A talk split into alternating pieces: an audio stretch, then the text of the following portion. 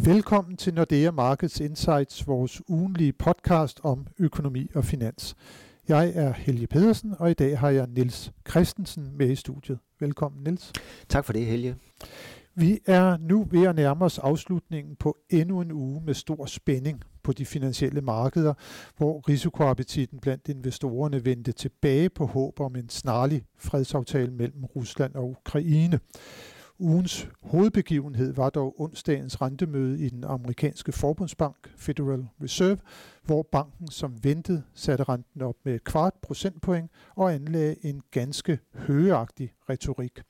Banken ser ud til at være fuldt determineret på at bremse den alt for høje inflation, også selvom der for tiden er meget stor usikkerhed om den økonomiske udvikling. Og Niels, hvor overraskende var det egentlig, at Fed for alvor skruede bissen på i disse usikre tider? Ja, som du selv sagde, var det ikke overraskende, at vi fik en renteforhold på 25 basispunkter. Det var fuldt indpriset på de finansielle markeder.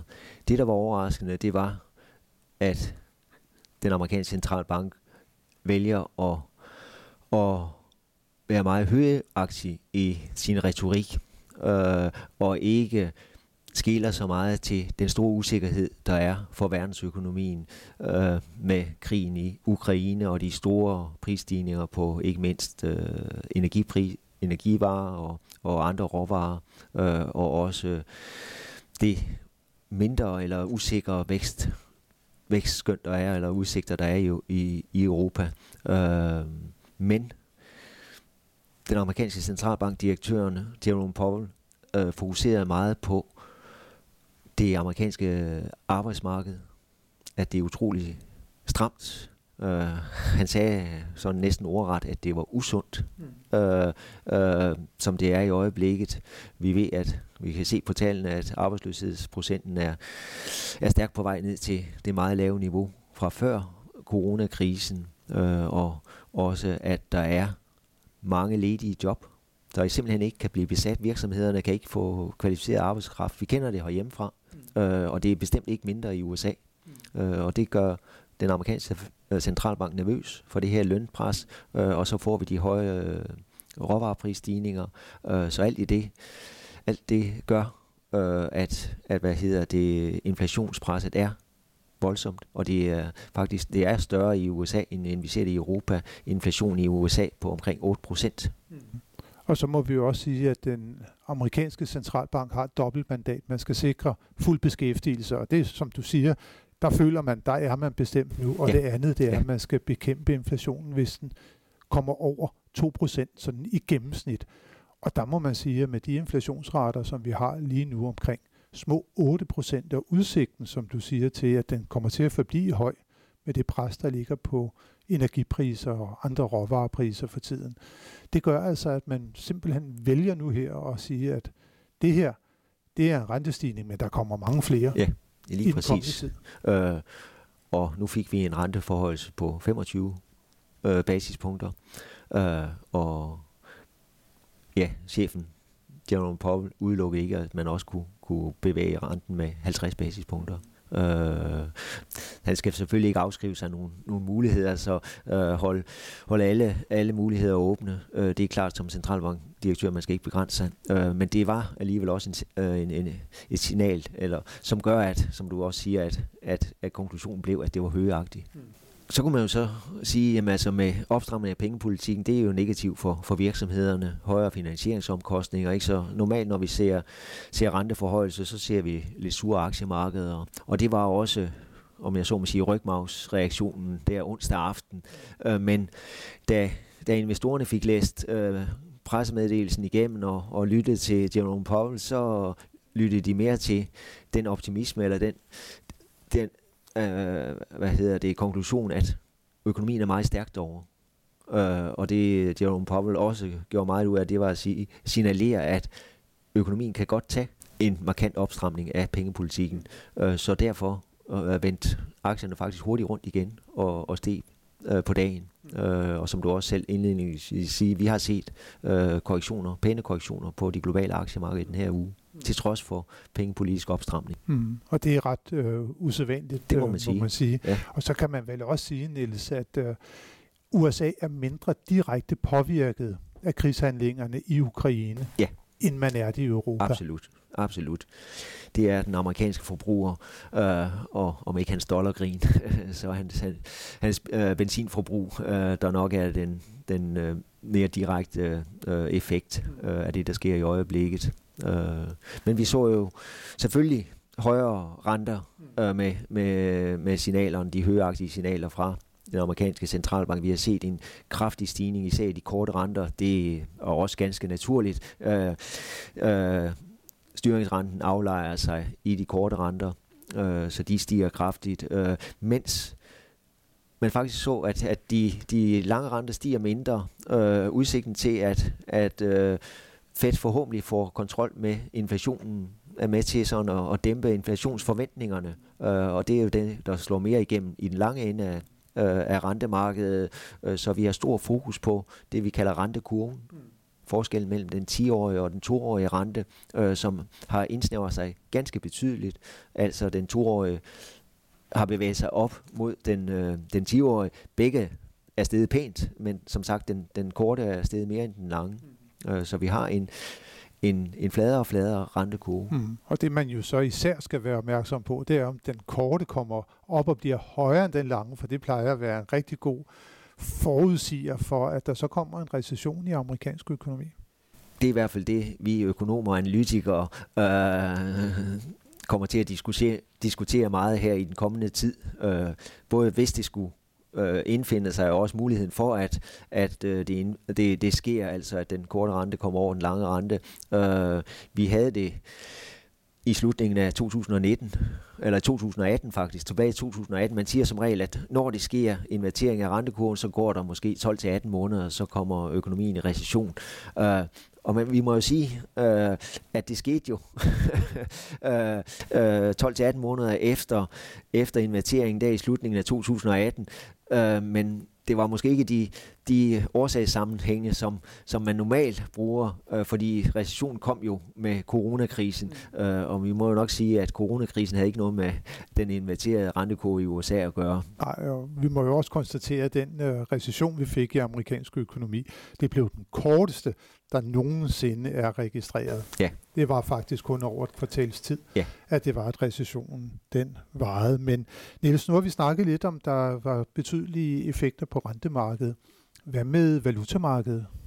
Ja, øh, umiddelbart efter rentemødet med højere renter, øh, så vi en, en kortvarig styrkelse af dollaren.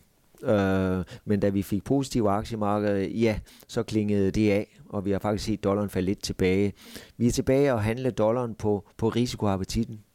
Øh, når der er risikoappetit, så har dollaren det sædvanligvis lidt svært. Øh, når der er risikoaversion, øh, usikkerhed, ja, så søger investorerne over i sikre aktiver, amerikanske statsobligationer, øh, og vi får en stærkere dollar. Så i, faktisk øh, den her uge, der har vi set dollaren lidt i defensiven, mm. øh, til trods for at vi har fået en renteforhold fra USA.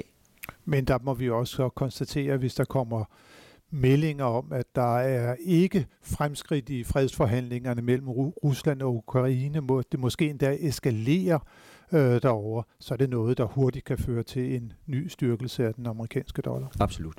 Men uh, Niels, det er jo ikke kun i uh, USA, at vi så en uh, pengepolitisk uh, reaktion i denne her uge. Uh, der var også møde i den britiske Bank of England. Ja. Og ja. der skete der det, som der var ventet på forhånd. Det gjorde der. Man satte renten op også med et kvart procent ja. point. Og det var ikke den første, vi har fået fra den, den britiske centralbank, Bank of England. Det var faktisk den tredje øh, på tre hinanden følgende rentemøder. Øh, så, så hvad hedder det? Øh, man kan sige, at Bank of England har været first mover øh, blandt de store øh, centralbanker.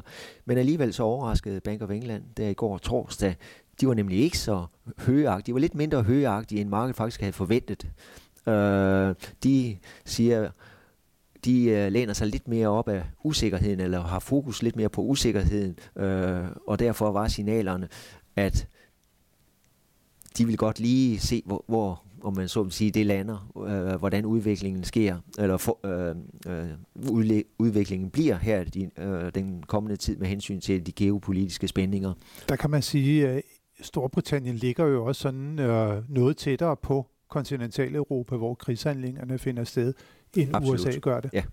Ja, så det, det kan man sige, det burde nok ikke være så overraskende, at, at de lige sådan er lidt forbeholdende med at, melde ud om, om yderligere renteforhøjelser. De skal nok komme fra, fra Bank of England, øh, det er vi sikre på senere det her år. Selvfølgelig under forudsætning af, at der findes en eller anden løsning øh, på, på krigen i, i Ukraine, øh, så de geopolitiske spændinger de, de aftager, øh, så bliver fokus på at, at bremse inflationen i Storbritannien som i USA.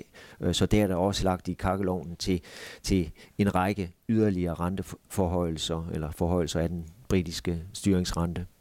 Og det britiske pund, det er jo sådan i takt med, at øh, Bank of England har sat renten op, at det er jo også blevet styrket. Man kan sige, at markederne fokuserer jo slet ikke på Brexit-effekter længere. Det er, det er helt skudt, uh, skudt til højre. Ja, man kan sige, at øh, ja, og så alligevel måske ikke helt, for man kan sige, de afledte effekter af Brexit, der er, er jo, at der er et utroligt stramt arbejdsmarked i Storbritannien, mm. øh, som er med til at, at under, understøtte frygten for, for, pris, for, for lønstigninger, og dermed også øh, højere inflation og underbygge forventninger om højere renter. Så, så Brexit-effekterne er der faktisk, øh, øh, men det var nok ikke de, eller det var ikke de Brexit-effekter, som, som Storbritannien lige havde ventet øh, ville dukke op her efter, efter afslutningen på, på den Nej, og Niels, alt, alt det her, som vi snakker om, øh, der er sket en, en hel masse ting, både på markederne, og så har vi haft de central, øh, eller møderne i centralbankerne øh, rundt omkring. Vi har haft ECB her i, i sidste uge, og så har vi så nu her haft Bank of England og, og, og Forbundsbanken. Ja, og vi kan faktisk tilføje, at vi har også haft Bank of England, nej undskyld, Bank of Japan. Og Bank of Japan også. Her, her til morgen, ikke? Ja. Øh, ingen overraskelser. Bank of Japan er nok den centralbank, der senest kommer til at stramme sin pengepolitik. Mm. Øh, så, så de holder fortsat en ultralav rente øh, og fortsætter med øh, kvantitative lempelser mm. i Japan. Og det jeg så egentlig ville sige, det var, at på baggrund af alt det her, der er vi kommet med nogle nye finansielle øh, forecast, en ny finansiel prognose, som vi har sendt på, på banen her til morgen. Hvad, øh, hvad siger den? Jamen det afspejler øh, det, vi lige har siddet og, og talt om, øh, på rentemarkederne, øh, at vi regner med, at der kommer en lindstrøm af renteforholdelser fra Fed, både i indeværende år, men også til næste år. Vi regner med yderligere seks renteforholdelser af hver 25 basispunkter i år. Øh, øh, efterfulgt med, og undskyld, øh, fem mere i år, mener jeg, øh, og så fire næste år. Så alt i alt 10 renteforholdelser fra Fed her i 22 og 23, så en markant opbremsning. Men der var også der var også en markant lempelse øh, af, af renten tilbage under coronakrisen. ECB øh, var vi ude med en ny prognose, da vi havde rentemødet i, i øh, den europæiske centralbank i sidste uge, øh, hvor vi ser, ser renteforhøjelse til december, øh, og så ser vi to renteforhøjelser i euroområdet til næste år. Mm. Så mere behersket pengepolitisk opstramning i eurozonen end i USA. Øh, og så endelig, hvis vi tager Bank of England med, øh, som jeg nævnte, vi regner med, at det bare bliver en pause, øh, Bank of England, med hensyn til renteforhold, der kommer også flere fra, fra den kant, måske op til fire yderligere renteforhold i indeværende år, og så ingenting i Bank of Japan. Og nu det her, det mere aggressive synspunkt fra, fra, fra øh, Forbundsbanken øh, side, hvordan påvirker det så det valutariske samspil over til, øh, til Europa og euroen ja. og også danske kroner? Ja, og, og dollaren ikke mindst. Uh, ja, det var den, jeg mente. Ja. Det var uh, uh, ja, det har jo været faktisk den helt store uh, faktor for forholdet mellem dollaren og, og euroen, og dermed dollaren over for den danske krone de seneste 12 måneder. Det her uh, uh, udsigten til pengepolitisk uh, opstramning. Så meget af det er indpriset. Man kan sige, renteforskellen uh, mellem markedsrenterne i USA og i Europa over for de danske renter er jo udvidet enormt øh, de seneste 12 måneder i dollarens favør. Og det er derfor, vi har set, at dollaren er steget fra, ja, i begyndelsen af 2021 var vi nede omkring de 6 kroner og 10. Øh, og nu her i, i marts måned har vi næsten set en dollar i 6 kroner 90. Der har været noget geopolitik, men mest af den, det meste af den bevægelse er kommet på ryggen af udsigten til højere styringsrente i USA. Og skal dollaren så styrkes yderligere i vores nye prognose? Det bliver svært for den, fordi vi kommer ikke til at se renteforskellen bevæge sig yderligere til fordel, i hvert fald ikke meget til yderligere til fordel for dollaren. Så det, på den konto får dollaren ikke medvind. Øh, og forhåbentlig kommer vi også til at se mere risikoappetit end risikoaversion. Øh, så også der kan det se lidt svært ud for dollaren. Vi må sige på den korte bane, hvor vi har lav sigtbarhed med hensyn til det geopolitiske, der kan vi sagtens se, at vi får nogle, øh, nogle kortvarige perioder, hvor aktiemarkederne er sure, øh, og så vil dollaren have det godt. Øh, men nu nævnte jeg, at vi har set dollaren op i underkanten af 6,90 kroner. Det kan godt være, at vi har set toppen af dollaren øh, på det tidspunkt. Øh, og så når vi kommer ind mod i anden halvår i år, at vi kommer til at se en vigende dollar. Vi kommer også til at se, at, at det vækstmoment, der er i USA, det vil aftage. Øh, så vi får lidt, lidt svagere nøgletal fra USA, ikke? og det kan godt tage, tage brøden af, af dollaren. Øh, øh, så det, når vi siger en lavere dollarkurs, så er det mere en svagere dollar, end det fordi vi tror egentlig, at euroen skal blive stærkere. Øh, og det er også det scenarie, vi kigger ind i til næste år, at dollaren får det svært, øh, og den vil være svagt faldende øh, igennem året. Så det er det økonomiske billede, det er det, man ligesom kan lægge ind i en prognose. Så som du siger, det kan jo gå galt endnu omkring geopolitikken, og det er det, der så i givet fald kunne føre til, at dollaren skulle kunne blive periodisk endnu dyrere, end hvad den er lige nu. Men øhm, Niels, lad os også lige kigge ind på øh, de økonomiske nøgletal, øh, som kommer i næste uge. Og der må vi sige, at det, der kommer ikke så mange, men der kommer nogle meget vigtige nøgletal. Og frem for alt så kommer der jo indkøbschefernes vurdering af den økonomiske situation, PMI-tallet for euroområdet. Det får vi på torsdag, øh, mener jeg, det er.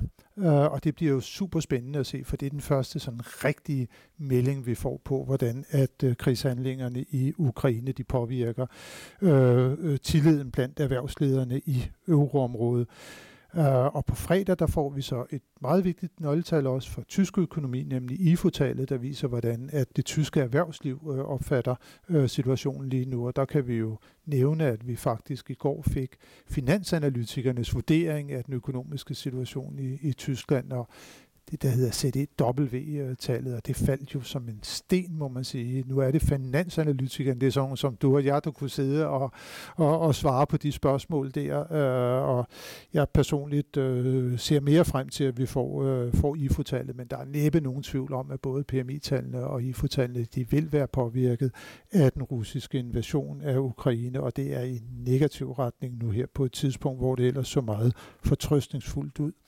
Og så er der endelig, Niels, øh, endnu et rentemøde, der skal vi tættere på. Øh, der skal vi en tur til Norge, og det skal vi på torsdag. Hvad kommer der til at ske i Norges Bank? Ja, øh, Norges Bank har allerede været i gang med at sætte renten op. Det gjorde de allerede sidste år, første gang i september måned med 25 basispunkter, og det gjorde de, gentog de i december måned, og de har klart tilkendegivet, at det er en proces, de vil fortsætte med her i 2022, så der er alle signaler på, at vi får endnu en renteforhold på 25 basispunkter. Det bliver heller ikke den sidste fra Norges Bank. Der er forventninger om, at der kommer drøbvis en kvart basispunkt, øh, øh, kvart øh, procentpoint øh, hver kvartal i år, og vi tror faktisk, det fortsætter til næste år. Øh, det er ikke fordi, det bliver kedeligt, men, men øh, det er signalerne fra øh, den, den norske centralbank, øh, at der er behov for opstramning af pengepolitikken, og vi må også sige, at de nøgletal, der kommer fra, fra Norge, de, de giver indtryk af en økonomi, der er faktisk ved at være overophedet. Et meget stramt arbejdsmarked. Øh, arbejdsløshedsprocenten er nede omkring de 2% igen. Øh, det giver lønpres. Øh, og det er klart med, med oliepriser, der ligger over 100 dollar, med hvad hedder det, øh, gaspriser, der også ligger væsentligt højere, elektricitetspriser, som også er højere, det er positivt for måske ikke den den øh, menige øh, nordmand, men så i hvert fald for det norske samfund. Øh, så derfor er der behov for at, at bremse op, og det er det, Norges Bank vil gøre på rentemødet i næste uge. Det vil de gøre i næste uge, Niels. Det bliver en super spændende uge, som vi går ind i endnu en gang med de her meget vigtige nøgletal, øh, som øh, der kommer, ikke mindst for europæisk økonomi, men selvfølgelig også en uge, hvor nyt om situationen i Ukraine kan få helt afgørende markedsbetydning. Øh, tak øh, Nils for at være med nu i dag, og tak til alle jer, som har lyttet med.